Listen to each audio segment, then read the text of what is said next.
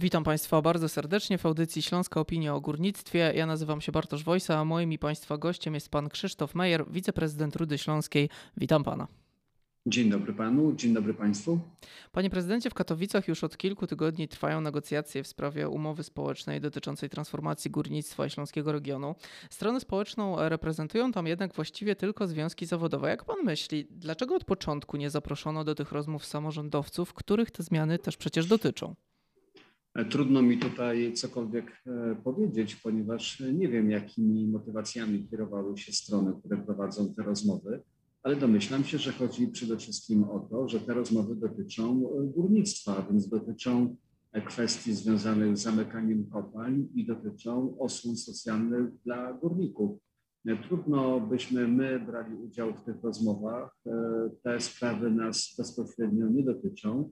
I powiem tak, bardzo się cieszymy, że te rozmowy zmierzają ku końcowi i że możemy spodziewać się w tej kwestii porozumienia podpisanie porozumienia dotyczącego zamykania kopalń i osłon dla górników jest istotne dla całego procesu transformacji energetycznej, e, ponieważ to porozumienie zapewnia nam e, spokój społeczny. Mhm. Samorządowcy już wcześniej e, sygnalizowali, że transformacja mocno wpłynie na miasta i gminy górnicze, którym przyszło im zarządzać. Teraz postanowiono połączyć w pewnym sensie siły i wspólnie poprosić o zorganizowanie Śląskiego Okrągłego Stołu. Co to oznacza? No to oznacza, że chcemy po prostu włączyć się w tej chwili już do szerszych rozmów. Chcemy, by do tych rozmów zaangażowane były wszystkie strony, podmioty, które będą musiały mierzyć się z transformacją energetyczną w regionie.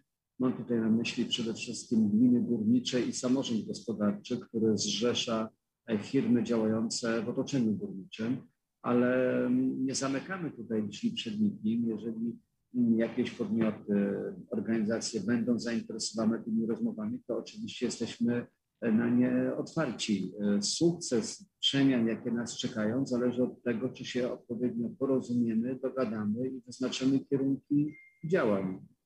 Mhm. Panie prezydencie, czy prawdą jest, że zwrócono się do państwa jako samorządowców z prośbą o zaopiniowanie dokumentu z tak wyznaczonym terminem, który dawał państwu właściwie bez weekendu 6 godzin na zapoznanie się z porozumieniem i przygotowanie uwag? Myśmy te dokumenty dostali w piątek około południa mhm. E, z prośbą o zaopiniowanie projektu porozumienia do poniedziałku do godziny 12.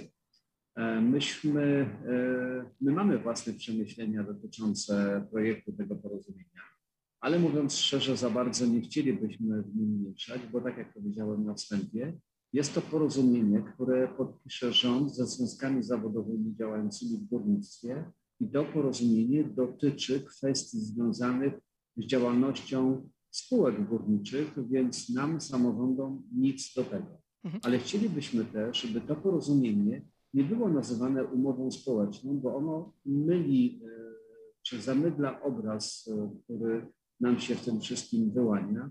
Chodzi mi o to, że sygnatariuszami przyszłej umowy społecznej powinno być więcej stron, a nie tylko związki zawodowe i rząd.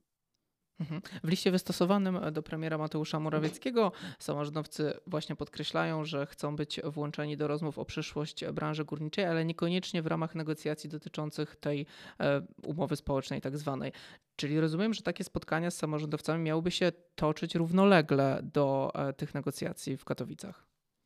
To są detale, które nie są w tym momencie istotne, panie redaktorze. Dla nas istotne jest to, że Trudno nam się odnosić do negocjowanego od wielu miesięcy porozumienia, e, kiedy nie braliśmy udziału w poszczególnych spotkaniach. My nie wiemy, dlaczego pewne zapisy tam się znalazły, albo dlaczego one wyglądają tak, a nie inaczej, więc nie chcielibyśmy tutaj dokładać swoich trzech groszy, zwłaszcza, że jak powiedziałem, jest to porozumienie rządu z związkami zawodowymi działającymi w górnictwie, a więc porozumienie właściciela kopalń z organizacjami związkowymi działającymi w tych kopalniach. Mhm. My y, zaproponowaliśmy rozmowę w trzecim gronie, zaproponowaliśmy tak zwany Śląski Okrągły Stół. Muszę przyznać, że wstępna reakcja pana ministra Sobonia, odpowiedzialnego za górnictwo, jest y, pozytywna. No i jesteśmy dobrej myśli, jesteśmy umówieni na kolejne rozmowy, kolejne spotkania. No i trzymajcie Państwo kciuki. Miejmy nadzieję, że uda nam się tutaj znaleźć wspólny mianownik i dojść do konkretnego porozumienia. W liście z jednej strony mm, mamy prośbę o pomoc dla podmiotów związanych z branżą górniczą, czyli kopalń, ale też firm okołogórniczych, a z drugiej wsparcie dla lokalnych e, samorządów. Czy te szczegóły dotyczące tego, czego konkretnie oczekiwaliby Państwo od rządzących, będą na tym spotkaniu e, ustalane, czy już Państwo mają jakiś zarys, jak ta pomoc miałaby wyglądać? Nie, no, najpierw chcielibyśmy porozmawiać o zakresie prowadzonych rozmów, czy też zakresie wspólnej umowy społecznej, jaką mielibyśmy w przyszłości podpisać, a w drugim etapie chcielibyśmy rozmawiać o szczegółach.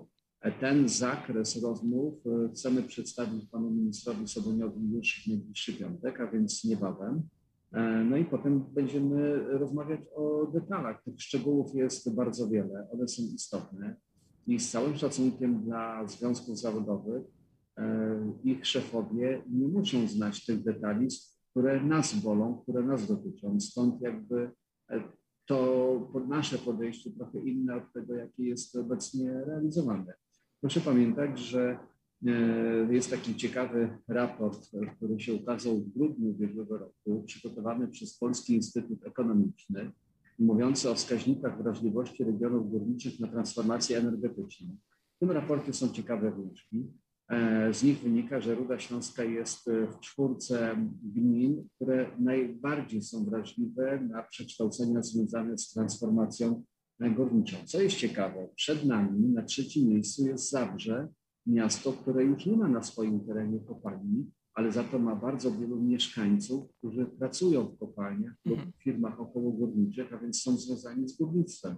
Więc te wszystkie niuanse są istotne i są niezmiernie ważne dla samorządów, bo nikt z nas, samorządowców, nie ma wątpliwości co do tego, że największe koszty transformacji energetycznej właśnie poniosą gminy. To one będą musiały głównie radzić sobie ze skutkami tych przemian. Mhm. No właśnie tych szans, ale chyba przede wszystkim obaw związanych z całym procesem transformacji górnictwa śląskiego regionu jest sporo. Pan jako samorządowiec górniczego miasta z Rudy Śląskiej, gdy myśli pan o tych szansach i zagrożeniach, to co najbardziej od razu pojawia się panu w głowie? O bardzo wiele kwestii, czy sobie poradzimy, czy damy radę, jak e, miasto będzie funkcjonować za 10, 15 czy też 20 lat co z tego, że my dziś mamy względnie dobrą sytuację na rynku pracy, bo bezrobocie mamy na poziomie 3,3%, skoro za kilka lat wszystko to może odwrócić się do góry nogami, to bezrobocie może być na zdecydowanie wyższym poziomie. E, wszyscy mamy przed oczami to, co się wydarzyło w Wałbrzychu, to, co się wydarzyło w Bytomiu, a więc w miastach najbardziej górniczych, które do tej pory najbardziej dotknęły skutki transformacji przekształceń w przemyśle ciężkim. E, jedno i drugie miasto do dzisiaj ma ogromne problemy, żeby normalnie funkcjonować, żeby sobie radzić w zupełnie nowej rzeczywistości. Nie chcielibyśmy podzielić losu tych gmin, nie chcielibyśmy, by w Rudzie Śląskiej pojawiły się takie problemy jak tam, więc e, to są sprawy, które no, spędzają nam sen z powiek. Panie prezydencie, na bieżąco e, o tym, co dzieje się w tej sprawie, jak i w innych tematach dotyczących górnictwa będziemy z pewnością pisać na łamach naszego portalu śląskoopinia.pl, gdzie oczywiście zapraszamy również naszych słuchaczy. A ja bardzo dziękuję panu za rozmowę. Naszym gościem był pan Krzysztof Majer, wiceprezydent Rudy Śląskiej. Dziękuję bardzo. Dziękuję również.